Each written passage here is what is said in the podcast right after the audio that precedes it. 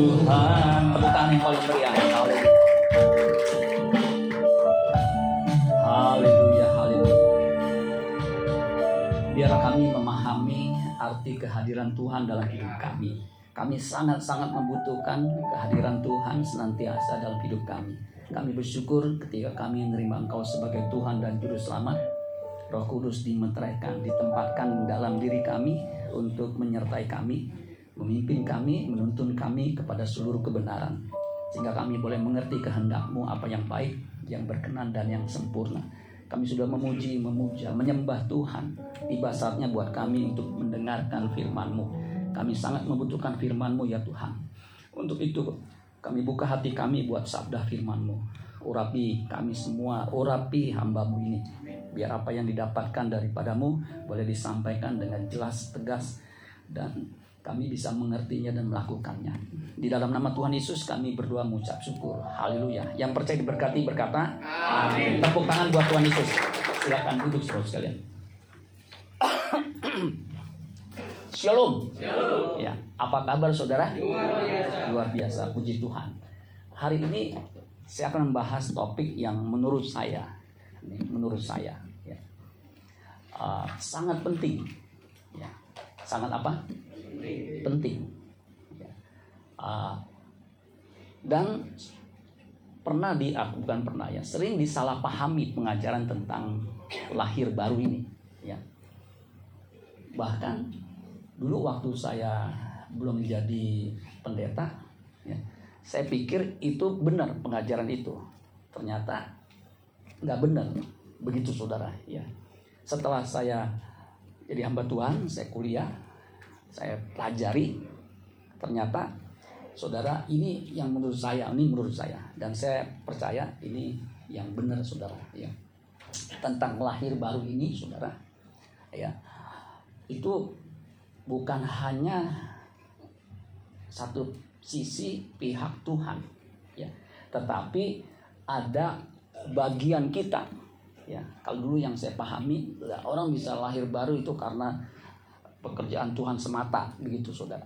Ya kalau kita belajar di beberapa sekolah teologi juga begitu ya. Ternyata kalau kita pelajari Alkitab secara keseluruhan ya tidak begitu ya. Kita juga punya peran bagaimana kita bisa juga ya mengalami kelahiran kembali ya. Nah lahir baru itu saudara sebenarnya istilah ya yang dipakai di Alkitab ya. Uh, bisa diganti gonta-ganti. Artinya dengan istilah lain. Ya dengan istilah misalnya lahir kembali. Ya lahir baru sama lahir kembali atau lahir dari Allah itu dipakai juga di Alkitab. Ya istilah-istilah lahir baru lahir dari Allah lahir kembali. Atau anak Allah. Ya karena lahir dari Allah disebut anak Allah. Ya man of God. Ya Timotius ya di uh, Paulus mengatakan man of God. Itu juga sama sebenarnya. Ya orang yang memiliki kodrat ilahi ya manusia baru. Nah kebetulan bukan kebetulan ya gereja kita tahun ini ya dua bulan ini kita akan berakhir. Temanya adalah membangun manusia baru yang berkarakter ilahi. Jadi berkarakter ilahi manusia baru itu sebenarnya hubungannya tidak terpisahkan. Ya ciptaan baru. 2 Korintus 5 ayat 17 jadi siapa yang ada di dalam Kristus adalah ciptaan baru yang lama sudah berlalu yang baru sudah datang ya. Jadi itu sama ciptaan baru ya.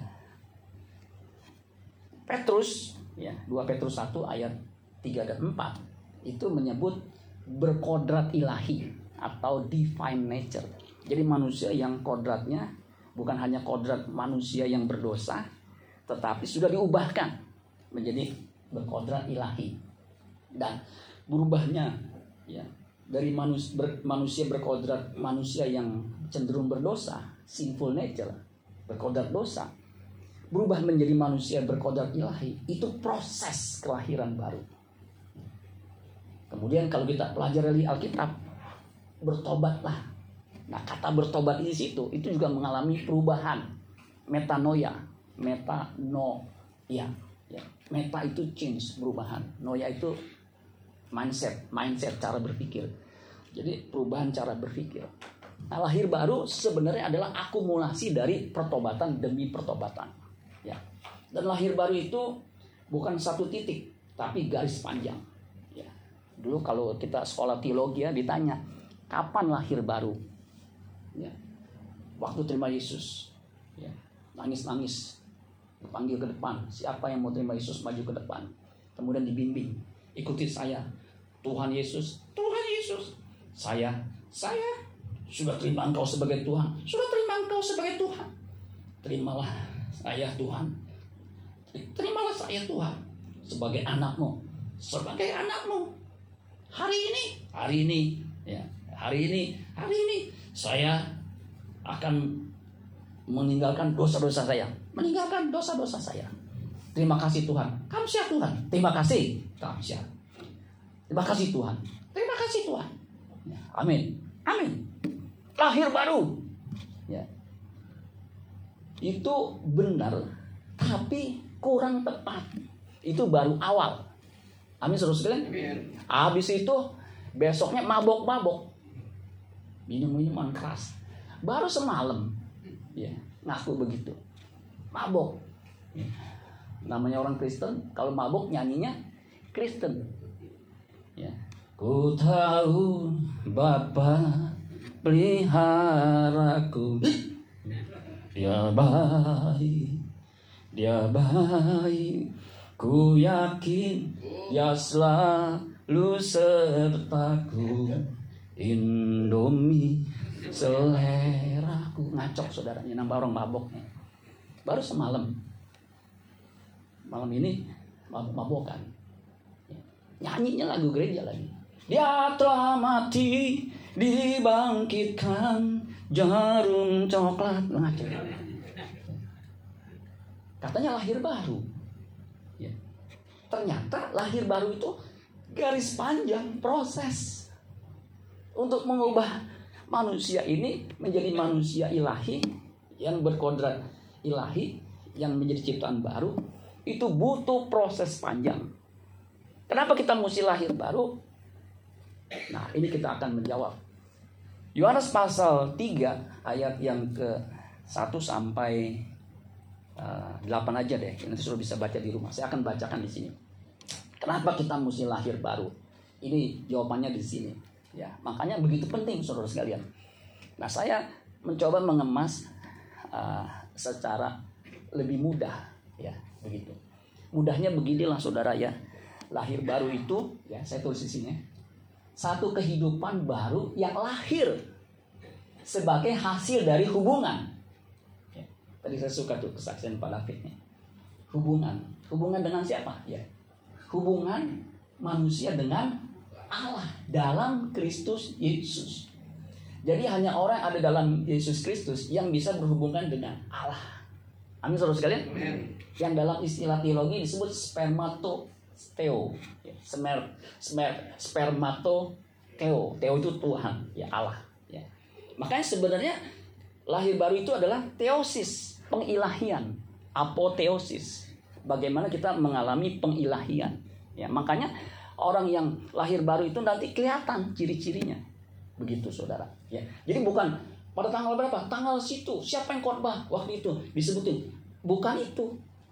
Ya. Karena dia proses panjang hasil dari hubungan hubungan itu ya, nggak sebentar tapi jangka panjang kalau kita menikah kan ya, kita komitmen saya terima engkau sebagai uh, istriku ya dalam suka dan duka komitmen itu bukan hanya ketika di gereja tapi juga nanti di kehidupan ya kayak saya udah 31 tahun menikah saudara ya lahir baru terjadi karena adanya berti Allah adanya apa benih Allah atau benih ilahi yang telah menyatu dengan benih manusia. Ya. Itu. Benih Allah itu apa? Kasih karunia, anugerah. Jadi eh, kematian Yesus di kayu salib, penebusan itu anugerah. Kemudian ada Roh Kudus, itu juga anugerah. Kemudian ada apa? Ada proses penggarapan Allah. Allah turut bekerja dalam segala sesuatu mendatangkan kebaikan bagi mereka yang mengasihi dia. Mengasihi itu benih iman. Ya. benih manusia itu iman. Ketika percaya Yesus, Roh Kudus menempatkan, ya, memberikan iman, ya, itu ada dalam diri kita itu benih untuk terima Yesus. Tuh saudara. Jadi nggak bisa satu pihak, ya, begitu. Tapi ada dua tadi itu benih Allah, benih ilahi, kemudian benih manusia yaitu iman. Makanya iman itu nanti perlu ditambahkan kebajikan, pengetahuan, nanti saya jelaskan juga ya.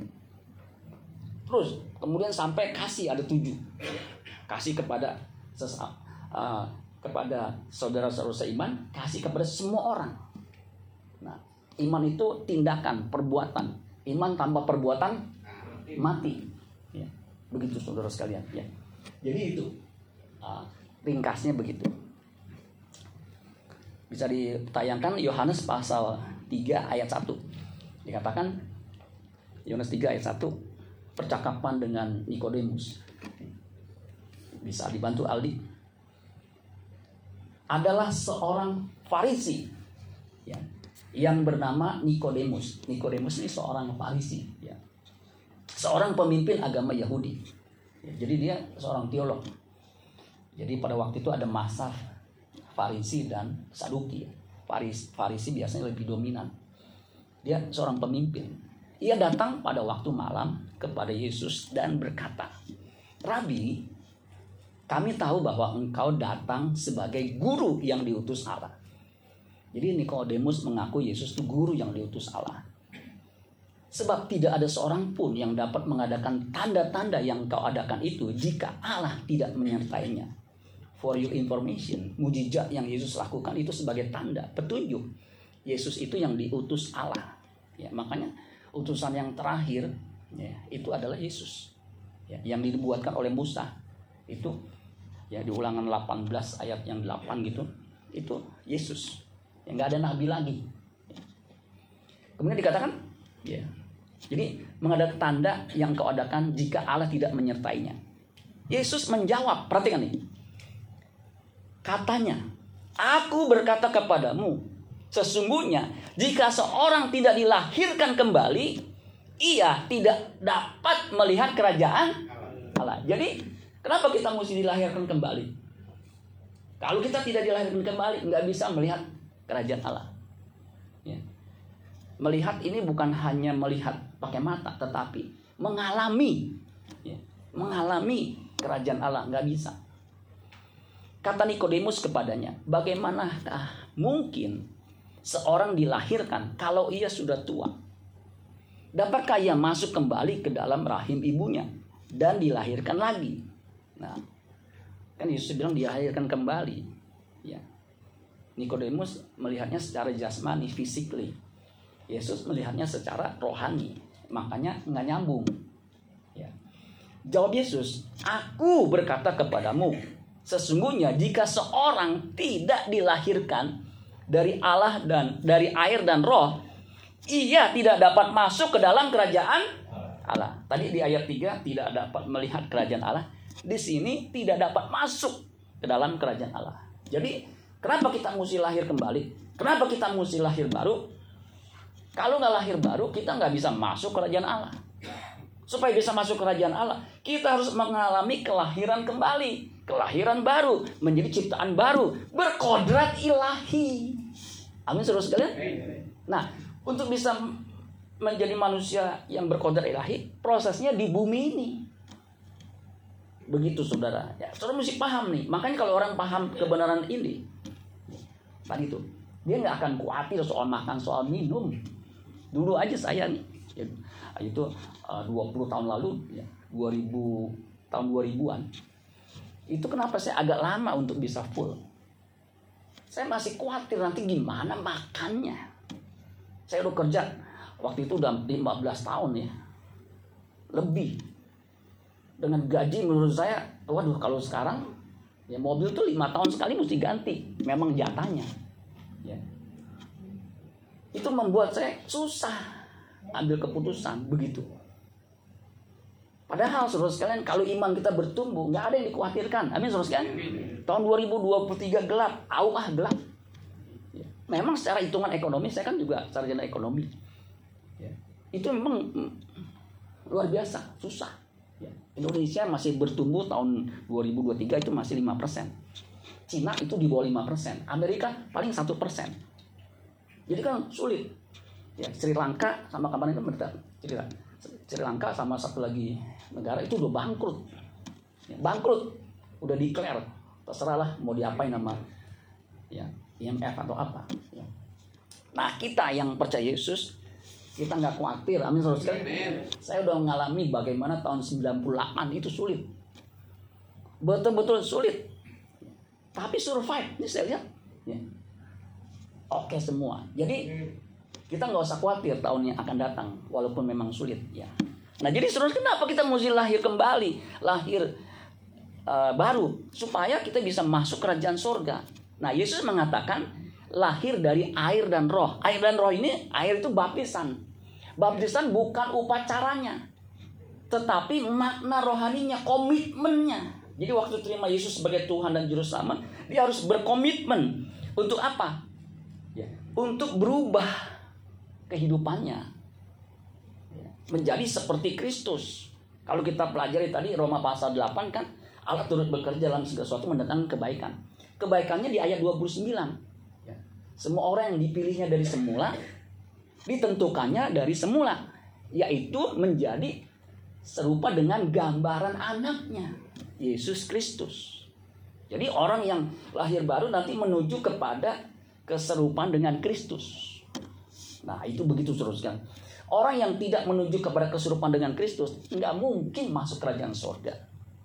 Kalau bahasa Indianya nehi si melekete tumber jahe nggak mungkin. Makanya betapa pentingnya ini. Kita sering disesatkan. Udah terima Yesus, nangis-nangis tadi di gereja, ikuti pendeta uh, doa, amin. Tapi kehidupannya amburadul. Kira-kira orang seperti ini bisa masuk surga enggak? Enggak bisa. Itu kita disalah itu. Itu salah, fatal tuh. Yang penting udah percaya Yesus. Mau perbuatannya gimana pun. Tuhan sudah menutupi, menudungi dengan darahnya. Dia pasti mati masuk surga. Itu separuh benar. Itu bahaya saudara sekalian. Makanya orang bahkan pendeta. Ya, itu dia khotbah sebelum khotbah minum tuak mabuk-mabukan.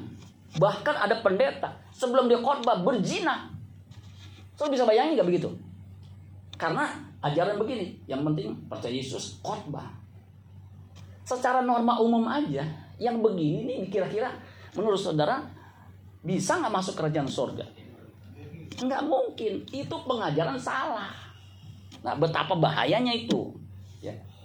Saya beruntung saudara sekalian, cukup teliti belajar begitu saudara sekalian. Ya, sering apa mengajukan pertanyaan. Nah, saya kan ada waktu, jadi saya gali begitu saudara. Nah, ayat 6. Apa yang dilahirkan dari daging? Dari daging. Jadi kita kan daging nih. Kita punya kodrat berdosa nih. Biar pendeta gimana pun sakti mandraguna, itu masih punya kecenderungan berbuat dosa. Pendeta yang kalau jasnya gini, itu rebah, itu punya kecenderungan masih ada kecenderungan berdosa. Bayangin saudara sekalian. Ya.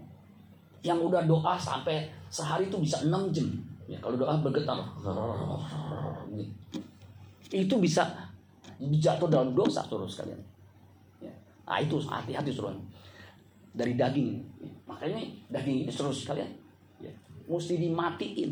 Dan itu proses mematikan keinginan daging itu bukan hal yang mudah. Ya. Jadi apa yang dilahirkan dari daging dari da adalah daging. Apa yang dilahirkan dari roh adalah roh. Jadi baptisan air itu baptisan komitmennya. Roh itu roh kudus. Roh kudus akan menuntun kita kepada seluruh kebenaran. Makanya saudara kita mesti baca Alkitab. Amin. Nanti roh kudus mengingatkan kita atas apa yang kita baca. Kita mesti ibadah. Supaya diperlengkapi. Amin saudara sekalian. Makanya ibadah sentralnya adalah firman. Jadi jangan ah, firman Tuhan nggak penting. Yang penting nanti pujian penyembahan. Karena di sorga kita hanya menyembah, menyembah, menyembah. Itu satu sisi benar betul. Hidup kita itu penyembahan. Ya. Jangan disalahpahami. Nggak perlu firman. Salah. Firman itu seperti pelita. bagi kaki kita yang menuntun kita kepada seluruh kebenaran. Ya. Sehingga kita bisa kita bisa mencapai kesempurnaan seperti Bapa. Ya. Kemudian ayat 7. Janganlah engkau heran. Nah ini perhatikan. Janganlah engkau heran. Karena aku berkata kepadamu, kamu harus apa? Dilahirkan kembali. Jadi dilahirkan kembali itu harus proses yang kita mesti jalani. Tidak bisa tidak. Harus kudu wajib. Nah kalau kita ngerti kebenaran firman Tuhan ini, hidup kita nggak bisa sembarangan lagi. Ya. Nah ayat terakhir 8. Angin bertiup ke mana ia mau. Dan engkau mendengar bunyinya. Tetapi engkau tidak tahu dari mana ia datang atau ke mana ia pergi. Selalu tahu angin kan? Ya. Suaranya kita bisa dengar tuh. Begitu ya. Ke mana dia pergi, saudara tahu nggak? Enggak. Emang pernah nanya? Ya. Demikianlah halnya dengan tiap-tiap orang yang lahir dari roh. Jadi Yesus menganalogikan secara terbalik kelahiran baru itu seperti angin. Nah ini ayat yang salah satu ayat yang sulit untuk kita pahami. Ya. Orang-orang yang sekolah teologi pun sulit. Ya. Sulit untuk bisa memahami ayat-ayat ya firman Tuhan. Termasuk Nikodemus itu ahli Taurat, orang Parisi, ya pemimpin. Pastikan dia lulusan sekolah-sekolah uh, Yahudi pada waktu itu, sekolah-sekolah rabi. Ya sebagaimana Yesus juga kan sekolah rabi begitu saudara sekalian. Nah saudara saya masuk di situ powerpointnya. Tadi lahir baru definisinya udah jelas ya. Di situ ada istilah angin. Nah kalau kita baca angin di situ saudara, ya angin yang di ayat 8 itu pakai bahasa Yunaninya anemos. Ya, anemos. Uh, sorry, angin yang dipakai di, di, di ayat 8 itu bukannya anemos, Padahal angin yang bertiup ke mana pergi begitu itu angin yang angin yang umum begitu saudara. Ya, jadi kata angin itu ada dua. Kalau kita angin, nah itu ada dua tuh, anemos dan pneuma. Nah, yang di yang anemos ini dipakai secara fisik. Misalnya di Matius pasal 7 ayat yang ke-25 ya. Tentang uh, Orang yang mendengar firman kemudian melakukannya itu seperti rumah yang didirikan di atas batu. Kemudian datanglah atau turunlah hujan, ya datanglah banjir, lalu angin. Nah, angin di situ anemos, fisik. Ya, begitu. Ya. Angin yang disebut anemos itu udara yang bergerak. Itu dipengaruhi rotasi bumi dan juga panas matahari. Makanya terjadi pergerakan. Angin bergerak dari tekanan udara yang tinggi ke tekanan udara yang rendah. Ya. Jadi semakin tinggi tempatnya, semakin kencang angin itu bertiup. Ya. Nah angin biasa di, di, diberi nama sesuai dengan datangnya. Ya. Misalnya angin darat, nah angin laut itu datangnya dari laut atau dari darat. Ya. Angin itu ada di mana-mana, bahkan ada di dalam diri kita. Warnanya apa? Kalau di kerok. Angin dalam diri kita kadang-kadang keluarnya tanpa permisi. Tetapi hadiratnya bisa dirasakan kiri kanan depan belakang. Nah, itu angin physically begitu. Kekuatan angin bisa dimanfaatkan untuk tenaga listrik. Misal di Belanda itu banyak angin kan, nah, itu dipasang tuh, kemudian digerakkan pakai motor untuk membangkitkan listrik. Nah, angin itu apabila dipanaskan, dia memuai, memuai, gitu kayak uap begitu ya, ke mana nggak tahu, ya, begitu saudara. Nah, saudara, sedangkan angin yang dimaksud di sini, ya, ke mana dia pergi, ke mana dia datang kita nggak tahu itu memakai kata Yunaninya penuma. Nah, itu luar biasa. Ini luar biasa saudara sekalian. Jadi ini menarik. Kok pakai kata penuma ya? Begitu. Ternyata penuma itu saudara sekalian itu dalam bahasa Ibrani itu roh, ruah ya. Kalau kita tahu itu ruah. Ya. Nah, itu ruah. Ruah itu saudara, itu yang dihembuskan Allah ketika manusia diciptakan. Manusia pertama siapa? Adam. Dibentuk dari tanah, kemudian dihembuskan. Nah, masuk tuh. Nah itu ruah nismat haim kehidupan. Makanya itu inti kehidupan hakikat kehidupan itu nafas itu tuh. Kalau nafasnya hilang mati. Ya. nah ternyata Pneuma itu roh itu itu kekal. Kalau kita baca di uh, Pengkhotbah 3 ayat 11 itu kekekalan itu karena ada roh. Roh itu kekal saudara sekalian. Ya. Kalau tubuh ini bisa binasa, ya. bisa tua, kemudian binasa, bisa sakit, mati. Nah roh itu yang bisa membuat manusia berinteraksi dengan Allah. Kalau hewan itu nggak bisa. Walaupun kita kalau sekolah minggu diajari, ya, burung-burung memuji Tuhan, ya, itu kita menganggap burung itu kayak punya roh memuji Tuhan. Sebenarnya enggak, karena nggak ada roh. Dia hanya ada nyawa begitu saudara sekalian. Jadi saudara sekalian, makanya Yesus berkata kalau orang mau menyembah Allah harus menyembah dalam roh dan kebenaran. Jadi hanya manusia yang bisa menyembah Allah. Ya. Karena ada rohnya, makanya rohnya mesti benar. Yang membuat kita nggak bisa berhubungan dengan Tuhan itu dosa. Ya. Nah orang yang lahir baru, ya, itu dia tahu ke mana dia pergi, dari mana dia datang, ke mana dia pergi. Kalau angin anemos, ya kita nggak tahu lah ke mana itu ya. Kalau kita yang punya roh ini, itu harusnya ya, kita tahu dari mana kita lahir, dari dari mana kita datang, dari ke mana kita pergi. Makanya hidup kita sebenarnya di bumi ini adalah persiapan menuju kepada kekekalan. Nah kalau kita ngerti konsep kelahiran baru secara benar seperti ini, ini konsep yang benar nih. Ya. Jadi orang lahir baru itu memiliki konsep hidup yang benar dan menjalani hidup itu sesuai dengan konsep yang benar itu. Amin saudara sekalian.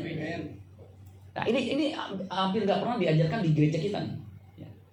Boleh tanya Pak Andi ya yang sering khotbah di sini ya. Tetapi ini yang benar begitu seterusnya. Jadi orang lahir baru itu dia memiliki konsep yang benar.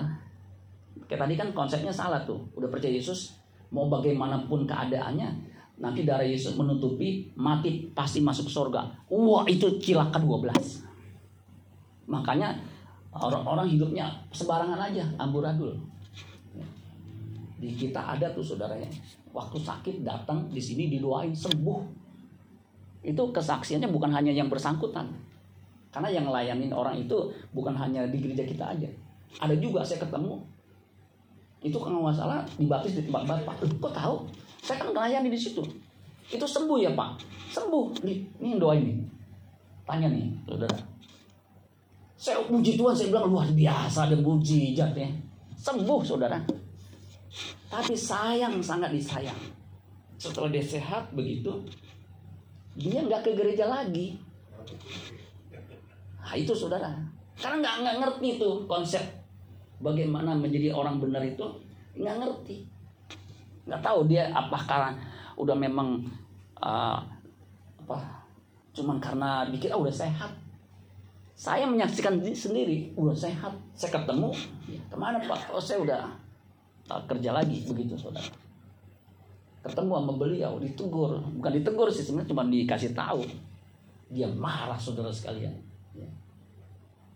Apa yang terjadi saudara sekalian? Ya akhirnya kan nyesel sendiri. Suruh tahu nggak? Masuk neraka itu, itu bukannya musibah, bukan, bukan. Karena apa? Pilihannya dia. Masuk surga juga bukan karena kebetulan, kebetulan percaya Yesus. Enggak. Kita mengerjakan keselamatan dengan takut dan gentar, mengerjakan kekekalannya itu. Makanya kita mesti paham nih, eh, jangan berpikir ah gue masih muda, masih bisa hura-hura. Mati itu seharusnya nggak harus tua, betul nggak? Gue masih sehat, olahraga N1, N2, N3 sampai gue encok, wah. Mati itu nggak harus sakit dulu, sehat juga bisa mati. Ya, belum lama kan di Korea Selatan tuh ada acara Halloween. Itu memang luar biasa ya. Sama aja di mana-mana ya. Kalau di kita kan di Malang tuh ya. Ya, ada yang mati 100 lebih. Ya ini 100 lebih orang mati desek-desek kan kehabisan napas. Itu kan pasti pada muda-muda betul nggak? Siapa sangka bisa mati seperti itu? Ada artis yang cukup terkenal juga itu mati di situ. Jadi syarat mati nggak harus tua, nggak harus sakit-sakitan. Ya. Makanya kita harus siap kapan pun kita mati. Amin saudara sekalian. Nah kehidupan di bumi ini persiapan untuk menghadapi kekekalan. Nah, kelahiran kembali itu proses untuk mempersiapkan kekekalan itu tuh. Konsep itu tuh. Hidup hanya persiapan untuk kehidupan kekal. Kehidupannya akan datang. Amin saudara sekalian. You are not of the world. Saudara dan saya ini bukan dari dunia ini. Ya. Kalau orang dunia, kehidupannya memang nafas dari Tuhan, tapi kehidupannya udah duniawi. Ini bakat masuk neraka. Ya kalau suruh baca, coba lihat di Filipi 3 ayat yang ke-19. Ya. Bisa dibantu. Filipi 3 ayat 19. Ini orang yang bakat masuk neraka, suruh sekalian. Artinya apa? Udah bisa kelihatan. Ya. Filipi 3 ayat yang ke-19. Kesudahan mereka ialah kebinasaan. Kemudian Tuhan mereka ialah perut mereka. Kemuliaan mereka ialah aib mereka. Pikiran mereka semata-mata tertuju kepada perkara duniawi. Jadi yang dipikirkan dunia, dunia. Bahkan gara-gara warisan itu kakak adik bunuh membunuh. Maka judulnya warisan berdarah. Saya sampai geleng-geleng kepala ini manusia kok. Dia bisa tega bunuh lima orang orang tuanya. Orang tuanya dua kan. Kemudian adiknya ya adiknya dibunuh, kakaknya dibunuh, keponakannya dibunuh, lima orang gara-gara warisan. Itu saya bingung tuh. Sampai keluarga besar orang seperti ini harus dihukum mati. Jangan sampai begitu seluruhnya. Itu satu titik nggak bisa dirubah lagi. Kalau kita masih mau beribadah, mau diperbaiki, mau bisa hidup di dunia akan datang, itu puji Tuhan. Amin terus sekalian. Makanya saya ngotot ya. Untuk apa? Ayo beribadah. Bukan hanya saya di KPBI, di umum juga begitu suruh sekalian. Karena kehidupan kita cuma sekali di bumi ini. Makanya jangan main-main. You are not of the world.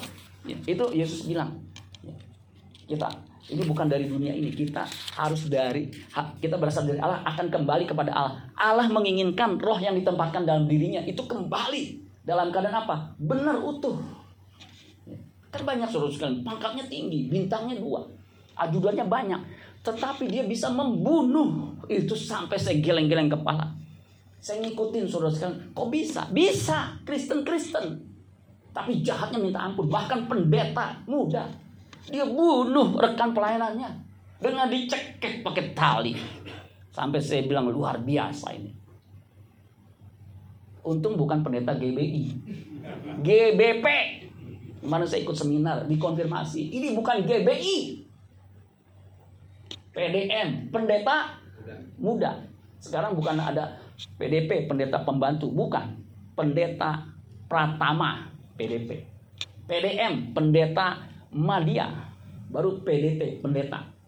Ini dia pendeta muda. Udah marah-marah, udah sakit hati, mudah membunuh saudara. Kemudian dimasukin tuh ya, apa uh, suruh uh, diikat tangannya, kemudian diumumkan ya, ini mau diproses pengadilan. Suruh tahu nggak? Wartawan. Dia sebut namanya. Ayo dong senyum dong, senyum dong. Sebab waktu dia bawa mayat itu sambil senyum gitu, saudara ini. Itu saudara, aduh. Apa yang dia pelajari selama ini? Nggak tahu saudara. Jadi kejahatan bukan hanya di luar. Pendeta bisa begitu. Mungkin tidak membunuh secara fisik seperti dia. Membunuh karakter itu juga jahat saudara sekalian. Sehingga orang tidak berkembang. Sehingga orang potensinya nggak berkembang. Pak Nuryadi kan mengatakan dia menjadi pendeta bonsai. Pendeta tapi kagak khotbah. Dia bilang gua bonsai. Untuk dia bertahan. Itu pembunuhan karakter, itu jahat tuh. Untung nggak ditegur Tuhan. Makanya saya kasih kesempatan ya hamba-hamba Tuhan. Untuk apa? Ya sebisa mungkin khotbah. Beritakan kebenaran firman Tuhan. Amin saudara sekalian. Supaya orang bisa diubahkan. Jangan merasa paling hebat sendiri. Gua yang MTH. Jadi gua khotbah sendiri. Yang lain mah gak usah. Gua yang gembala. Yang lain gak usah khotbah. Gua aja yang khotbah. Itu luar biasa jahatnya saudara sekalian. Jadi membunuh tidak harus fisik seperti itu. Bisa membunuh karakter. Dia punya potensi, dia punya kemampuan. Nggak apa-apa kembangkan. Ya. Amin saudara. Kayaknya udah mulai tegang nih saudara ini. Nah next. Kalau kita pelajari secara teknis saudara sekalian. Yohanes 1 ayat 12 ya. Oh tadi ini belum ya? Wah ini mesti itu balik dulu ya, yang tadi deh ya. Nah ini makanya uh, infokus juga mesti juga ya. Kalau pendetanya lupa ya, udah ngomong langsung inisiatif. Ya, begitu saudara ya. Uh, ada pendeta dia biasanya ngajak asistennya untuk apa? Di belakang ikutin begitu saudara. Saya kan nggak ada asistennya. Tadi aja saya lupa clip on. Aduh saya bilang kenapa ya saya udah taruh itu di meja yang satunya lagi. Jadi ketika saya berangkat saya masukin yang itu kelupa ya karena ditaruh di meja yang lain saudara. Saya kan punya dua meja ya. Ah saudara ya. Jadi ini jelas saya tadi ya penuma ya tadi beda sama uh, anemos ya. Ingat aja anemos itu fisik ya di Matius 7 ayat 25 ya turunlah hujan datanglah banjir lalu kemudian angin melanda nah, itu angin fisik ya sedangkan di uh, Yohanes pasal 3 ayat 8 itu pakai kata penuma ya Nah, berikutnya saudara sekalian di Yohanes 1 ayat 12 sampai 13 ini murid Yesus yang paling dikasihi, yang paling dekat. Sehingga dia pernah berbaring di dekat dadanya Yesus. Jadi dekat banget nih, ngerti banget nih. Ya, Yohanes bilang begini, Yohanes 1 ayat 12 sampai 13. Tetapi semua orang yang menerimanya nyanyi besar diberinya kuasa supaya menjadi anak-anak Allah, yaitu mereka yang percaya dalam namanya. Namanya ini bukan sedang hanya nama, properti tetapi pribadinya. Jadi kalau saudara menerima atau percaya seseorang itu bukan hanya di mulut doang. Ya.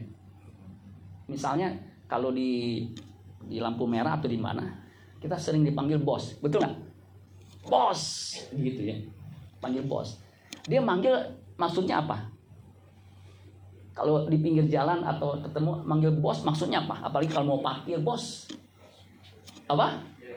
kasih duit gitu jadi panggil bos panggil ini tapi mau kasih duit kalau kita manggil dia Yesus sebagai Tuhan dan Juru Selamat itu maksudnya supaya kita mengikuti gairahnya mengikuti pribadinya karena hanya Yesus manusia yang berkenan kepada Bapa di sorga jadi percaya kita itu seperti di Yohanes pasal yang ke-6 ayat 29 itu sebagai pekerjaan bagaimana kita mengikuti jejak-jejaknya jejak-jejak anak Allah yang berkenan kepada Bapa di sorga.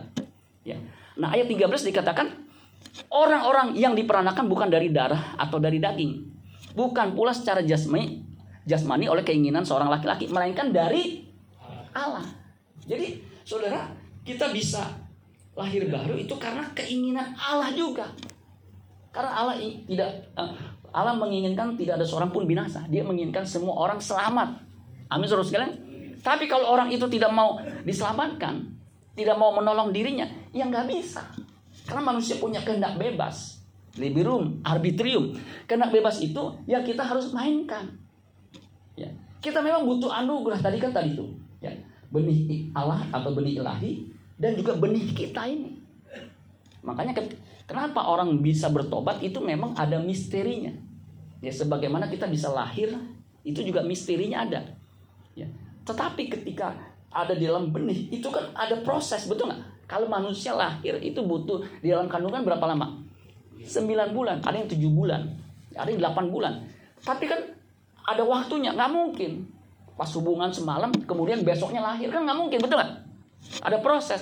Sama kelahiran baru itu seru sekali bagaimana kita menjadi manusia Allah, menjadi ciptaan baru, itu proses panjang. Kalau menjadi bayi itu prosesnya 9 bulan, kalau kita menjadi ciptaan baru, prosesnya seumur hidup 70, 80. Makanya selama kita hidup di bumi ini, itu proses bagaimana kita menjadi manusia baru. Nah itu konsepnya mesti kita pahami itu, gitu saudara. Versi mudah dibaca mengatakan begini, beberapa orang yang telah berapa orang telah menerimanya.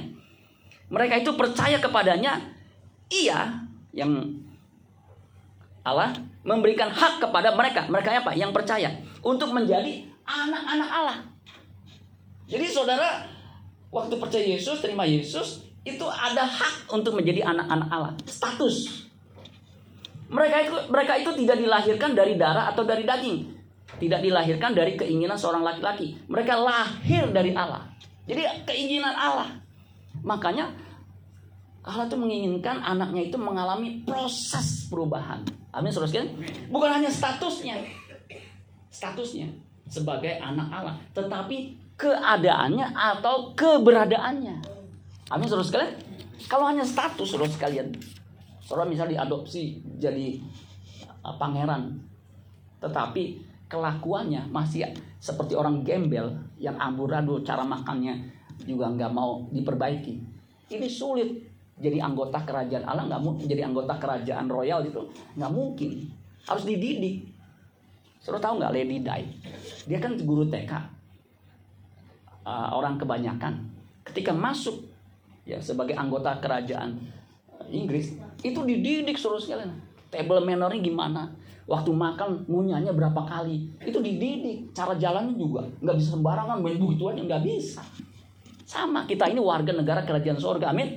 Selama kita hidup di bumi ini, kita dididik, diajar manner of life-nya, cara hidupnya. Makanya kalau kita mau menjadi warga negara kerajaan Allah yang nanti tinggal di sana, hiduplah sebagai warga negara kerajaan Allah ketika hidup di bumi ini. Selanjutnya di terjemahan sederhana Indonesia, mereka menjadi anak-anak Allah bukan karena mereka dilahirkan melalui kelahiran biasa. Tuh. Ya. Dan hal itu bukan karena keinginan atau rencana manusia, tetapi Allah sendiri yang menjadikan mereka sebagai anak-anaknya. Jadi Allah ingin tuh anaknya itu bukan hanya statusnya tapi keberadaannya untuk bisa berubah itu kan proses saudara ya. kalau saudara mau jadi sarjana S1 itu kan mesti belajar betul nggak empat tahun lima tahun nggak mungkin baru masuk setahun bisa jadi di wisuda nggak bisa proses mesti mengikuti proses sama jadi Kristen sejati Jadikan semua bangsa murid. Itu proses. Nah prosesnya seumur hidup. 1 Petrus 1 ayat 3 nih saudara ya. Terpujilah Allah dan Bapa Tuhan kita Yesus Kristus yang karena rahmatnya yang besar telah melahirkan kita kembali. Tuh, lahir kembali tuh. Jadi yang melahirkan kita kembali itu ya Allah dan Bapa Tuhan kita Yesus Kristus. Oleh kebangkitan Yesus Kristus dari antara orang mati kepada suatu hidup yang penuh pengharapan. Jadi hanya orang yang lahir kembali hidupnya penuh pengharapan. Karena apa? Bisa tinggal di kerajaan surga. Itu dimungkinkan karena kematian Yesus dan kebangkitannya. Itu awalnya. Makanya kalau Yesus tidak mati, kemudian tidak bangkit, semua orang meluncur masuk neraka. Semua orang tidak bisa diproses untuk memiliki kodrat ilahi. Nggak bisa. Makanya keselamatan hanya ada dalam Yesus Kristus. Kisah para Rasul 4 ayat 12 dan keselamatan tidak ada di dalam siapa pun juga selain di dalam dia. Sebab di bawah langit ini tidak ada nama lain yang diberikan kepada manusia yang olehnya kita dapat di selamatkan. Akulah jalan kebenaran dan hidup. Tidak ada seorang pun yang sampai kepada Bapa kalau tidak melalui aku. Jadi itu udah harga mati suruh sekalian. Kalau ada yang bilang ada jalan menuju ke Roma, menuju ke Roma jalannya banyak. Mau ke Jepang dulu boleh, ke Australia dulu boleh, ke Singapura dulu boleh, mau langsung juga boleh. Tetapi ke surga Enggak ada cara lain. Amin saudara sekalian. Nah, kita masuk nih mulai. Ini agak berat. Ibrani 12 ayat 5 sampai 10. Sebenarnya kelahiran baru itu adalah proses pendidikan, menjadikan murid, Saudara. Makanya itu proses panjang. Kita jatuh bangun Saudara sekalian, begitu. Tapi kita bangkit lagi, terus maju terus, maju terus. Amin Saudara sekalian. Jangan sampai kita lemah. Tadi kan pada akhirnya bersaksi ya. Memang begitu ya. Tapi kalau kita maju terus, terus, terus, terus. Masa kita nggak berubah? Amin terus kan? Jangan sampai kita putus asa ketika dididik terus kan. Aduh gue nggak berubah, gue. Maju terus. Saya mau berubah Tuhan. Tolong saya Tuhan. Terus. Pasti bisa. Amin terus kalian. Saya waktu ambil S2 saya sebenarnya hampir putus asa saya mau berhenti juga. Ternyata bukan saya juga, bukan saya hanya saya. Pak Agus juga ngalamin begitu. Karena mungkin udah lama nggak kuliah, jadi cara metodenya agak sulit. Ya. Padahal saya nggak bodoh-bodoh amat. Ya. Saya waktu tulis S1 kan itu cum laude. Ya. 3,52. Ya. Jadi saya bilang, udah saya berhenti aja. Istri saya bilang, aduh kalau ini nggak selesai itu gimana? Itu yang membuat saya semangat lagi begitu kan. Puji Tuhan selesai seluruh sekalian. Ya. Wis udah akhirnya, wis udah. Ya, begitu suruh sekalian. Jadi itu proses tuh. Jangan menyerah. Amin suruh sekalian. Sama, nih dengar firman Tuhan agak susah juga gue nih gimana sih istilahnya. Nggak masalah. Ya. Yang penting kita maju terus pantang mundur. Ibrani 12 ayat 5 sampai 10 dikatakan begini. Nah, saya bacakan. Suruh tolong uh, apa konsentrasi sedikit nih. Dan sudah lupakah kamu akan nasihat yang berbicara kepada kamu seperti kepada anak-anak? Hai anakku, janganlah anggap ten, enteng didikan Tuhan. Nah ini jangan anggap enteng. Jangan remehin. Dan janganlah putus asa apabila engkau diperingatkannya. Karena Tuhan menghajar orang-orang yang diapain? Dikasihinya. Dan ia menyesah. Tadi menghajarnya menyesah. Orang yang diakuinya sebagai anak. Jika kamu harus menanggung ganjaran, Allah memperlakukan kamu seperti anak. Di mana terdapat anak yang tidak dihajar oleh ayahnya? Ayah yang baik pasti menghajar anaknya kalau dia salah, betul nggak? Saya ada cerita suruh sekalian pendeta, dia udah almarhum, dia cukup dekat sama saya waktu saya remaja juga. Dia sekolah di Inggris, di England, empat tahun, pulang nggak bawa ijazah, di sana hanya hura-hura. Empat tahun dihabiskan begitu saja. Ketika kembali, ditanya, mana ijazahnya? Wisuda mana? Enggak kelar. Bapaknya cuma diem aja. Kalau gua, gua deblak tuh. Terus tahu nggak? Sekolah di luar negeri mahalnya seberapa? Biaya hidupnya itu mahal. Saya punya temen waktu kerja ya. Saya tanya, lu MBA habis berapa tuh S1, BE, BSc sama BSc itu sama MA1 MBA. Dia bilang apa? habis satu miliar satu miliar nggak salah diperinciin nih biaya sekian ini sekian belum nginepnya segala macam satu m saya hitung-hitung ya waktu saya kuliah itu saya habis mungkin ya kalau yang S2 tuh habis sampai 70 juta ya. kalau yang S1 mungkin karena jadul itu paling habis 40-an ya. tadi saya lihat Universitas Pancasila saya pengen tahu itu kan alma mater saya S1 manajemen satu semester 16 juta. Saya kali 8 semester ya. Itu kurang lebih 128 juta. Belum transportasinya, belum buku-bukunya. Habis dia tuh nopet ya saudara. Nah ini pulang nggak ada bawa apa-apa. Ya lu gimana sih? Cuma begitu saudara. Dia cerita sama saya. Saya sangat nyesel. Sebab papi itu nggak menegur, nggak nggak keras sama saya. Makanya ketika papinya meninggal, dia sedih minta ampun begitu ya. Saya lihat dia terpukul ya. Aduh, tuh, saudara. Jangan sampai kita menyesal, amin suruh sekalian. Makanya kalau kita masih dididik, diingatkan, kita masih ada orang yang kasih tahu, kita sadar, kita bertobat. Ayo bertobat, amin suruh sekalian. Ya. Nah, ini jelas nih. Jadi di mana terdapat anak yang tidak dihajar oleh ayahnya? Enggak ada. Kalau ayah yang benar. Tetapi jikalau kamu bebas dari ganjaran yang harus diderita setiap orang, maka kamu bukanlah anak, tetapi anak-anak gampang. Kalau kita nggak dihajar, dibiarin aja, itu anak gampang, bukan anak Allah. Anak Allah itu dididik, dididik. Selanjutnya ayat 9 dari ayah kita yang sebenarnya kita beroleh ganjaran dan mereka kita hormati. Kalau demikian bukankah kita harus lebih taat kepada Bapa segala roh supaya kita boleh hidup hidup di sini hidup kekal hidup berkualitas. Hanya orang yang mau dididik dia dia akan memiliki hidup berkualitas. Dan hidup berkualitas itu kita harus jalani ketika kita hidup di bumi ini. Sebab mereka mendidik kita dalam waktu yang pendek sesuai dengan apa yang mereka anggap baik. Orang tua kita terbatas. Ya. Tetapi dia, dianya besar, menghajar kita untuk kebaikan kita. Supaya kita beroleh bagian dalam kekudusannya.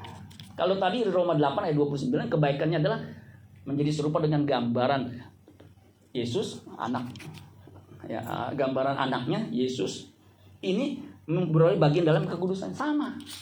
Yesus itu kudus. Makanya dia berani berkata, siapa di antaramu yang membuktikan aku berbuat dosa? Yohanes pasal 8 ayat 2 ayat 46. Enggak ada. Dia itu manusia 100%. Dia bisa berbuat dosa. Itu juga jadi perdebatan teologis. Yesus tidak mungkin berbuat dosa, tidak bisa berbuat dosa. Tetapi dalam segala hal dia disamakan dengan manusia. Ya. Ibrani 2 ayat yang ke 17 atau 19. Ya. Sama bisa berbuat dosa, tetapi dia memilih untuk tidak berbuat dosa selama hidupnya sehingga dia layak menjadi anak domba yang tidak bercacat, tidak bercelah. Lihat anak domba Allah yang mengangkut, mengangkat dosa dunia. Nah, jadi beroleh bagian dalam kekudusannya, nyanya itu besar, kekudusan Allah. Itu yang disebut dengan kekudusan yang sesungguhnya di Efesus 4 ayat 23 dan 24. Oleh Petrus disebut bagian mengambil bagian dalam kodrat ilahi. 2 Petrus 1 ayat 4 bisa ditayangkan. Dengan jalan itu ia telah mengadugerahkan kepada kita janji-janji yang berharga dan yang sangat besar supaya olehnya kamu beroleh bagian dalam apa? Beroleh bagian dalam apa? kodrat ilahi. Dijelaskan dan luput dari hawa nafsu duniawi yang membinasakan. Amin saudara sekalian. Jadi kalau saya boleh ringkas, saya boleh simpulkan, ya, lahir baru harus memiliki konsep yang benar. Konsepnya mesti benar saudara. Jangan sampai konsepnya salah. Kalau konsepnya salah kayak tadi itu, ya, hidupnya masih amburadul, padahal mengaku percaya Yesus. Kemudian masuk dalam proses proses pendidikan, school of life. Bukannya life of school pak, eh bukannya life school pak, sama aja. Ya. School of life, sekolah kehidupan. Makanya waktu kita percaya Yesus kita nggak langsung mati, nggak langsung dicabut nyawanya. Ada proses supaya kita punya ya, keberadaan itu seperti Yesus, keberadaannya, karakternya, sifatnya, ya. itu berkodrat ilahi. Memang kita nggak bisa seperti Yesus, plok-plok ya. Kalau Yesus itu seribu, kita seribu. Enggak. Tetapi at least ya sesuai dengan yang Allah kehendaki. Kan kadang apa masing-masing orang berbeda, betul nggak? Sama kalau kita kuliah, kan IQ-nya masing-masing orang beda. Kalau orangnya IQ-nya cukup tinggi, misalnya 139, itu jauh lebih mudah. Makanya dia bisa cum laude, bisa makna atau subah cum laude. Tapi kalau yang IQ-nya 120 atau 110, tapi kan lulus. Di wisuda juga, betul nggak? Sama, selesai juga begitu saudara. Sama kita juga begitu. Selama kita di bumi ini, ya kita mau diproses, ya mengambil bagian dalam kekudusannya atau memiliki kodrat ilahi yang luput dari hawa nafsu. Itu proses pendidikan. Amin saudara sekalian. Mudah-mudahan saudara bisa memahami kebenaran firman Tuhan ini. Sehingga slide terakhir. Ya. Jadi waktu kita terima Yesus, percaya Yesus, statusnya anak Allah, kita harus masuk dalam proses kelahiran baru. Amin, saudara sekalian. Yang harus dicapai proses kelahiran baru adalah berkodrat ilahi. Mengambil kekudusan Allah. Beroleh bagian dalam kekudusannya. Kekudusan Allah. Yaitu keberadaannya. Baru diperkenankan masuk dalam kerajaan sorga. Jadi sulit kok Pak. Jadi Kristen bukannya percaya Yesus doang. Betul. Percaya itu muatannya apa? Bukan hanya percaya di bibir, di mulut. Tetapi ditindakan. Makanya Rasul Yakobus iman tanpa perbuatan mati. Ya. Ayat terakhir, ini kan slide terakhir, ayat terakhir. 2 Petrus 1 ayat 11. Nah, kalau suruh pelajari struktur 2 Petrus 1, ya, tadi kan ayat 3, ya Tuhan memberikan janji-janjinya yang berharga supaya kita hidup bisa hidup saleh dan beroleh bagian dalam kodrat ilahi. Itu di ayat selanjutnya, itu ada akumulasi demi akumulasi. Jadi waktu kita percaya Yesus, ya kita punya iman, iman itu kita harus tambahkan apa? Kebajikan. Kebajikan kita tambahkan pengetahuan. Pengetahuan kita tambahkan penguasaan diri. Penguasaan diri kita tambahkan ketekunan. Ketekunan kita tambahkan kesalehan. Kesalehan kita tambahkan kasih akan saudara-saudara. Kepada kasih dan saudara kita tambahkan kasih kepada semua orang. Nah kalau itu semua melimpah-limpah, kita sungguh-sungguh meraihnya, ayat 11, ayat yang terakhir, musik bisa maju ke depan. Dikatakan dengan demikian kepada kamu akan dikaruniakan hak hak penuh untuk apa? Memasuki kerajaan kekal, yaitu apa? Kerajaan Tuhan dan juru selamat kita Yesus Kristus. Makanya kamu harus lahir baru. Kalau enggak, kamu tidak akan bisa melihat kerajaan surga. Kalau enggak, kamu tidak akan dapat masuk dalam kerajaan surga. Nah, penjelasan ini saudara sekalian bukan hanya Oh begitu pak, begitu pak, begitu pak. Dipraktekkan, amin saudara sekalian. Kalau enggak, percuma saudara. Ya. Makanya saya setuju dengan Pak Ridwan. Ibadah itu apa? Perubahan. Jadi kita sebenarnya menempuh perubahan. Kalau bangsa Mesir menempuh jarak keluar dari Mesir ke Kanaan, kita menempuh perubahan dari manusia yang berkodrat manusia yang berkodrat dosa menjadi manusia berkodrat lahir. Itulah lahir baru. Amin buat firman Tuhan. Tepuk tangan buat Tuhan Yesus.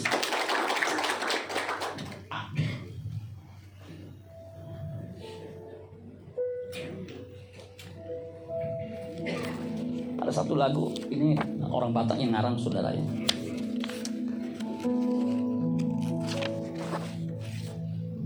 Ku tahu hidupku adalah penyembahan. Ya. Ini orang Batak ngarang. Ya waktu dengar lagu ini bagus juga nih lagunya. Ya, apa nada-nadanya juga kata-katanya. Ya. Ku tahu hidupku adalah penyembahan. Kau ciptakan. Kau ciptakan ku dalam oh, El single ku tahu hidupku. Ku tahu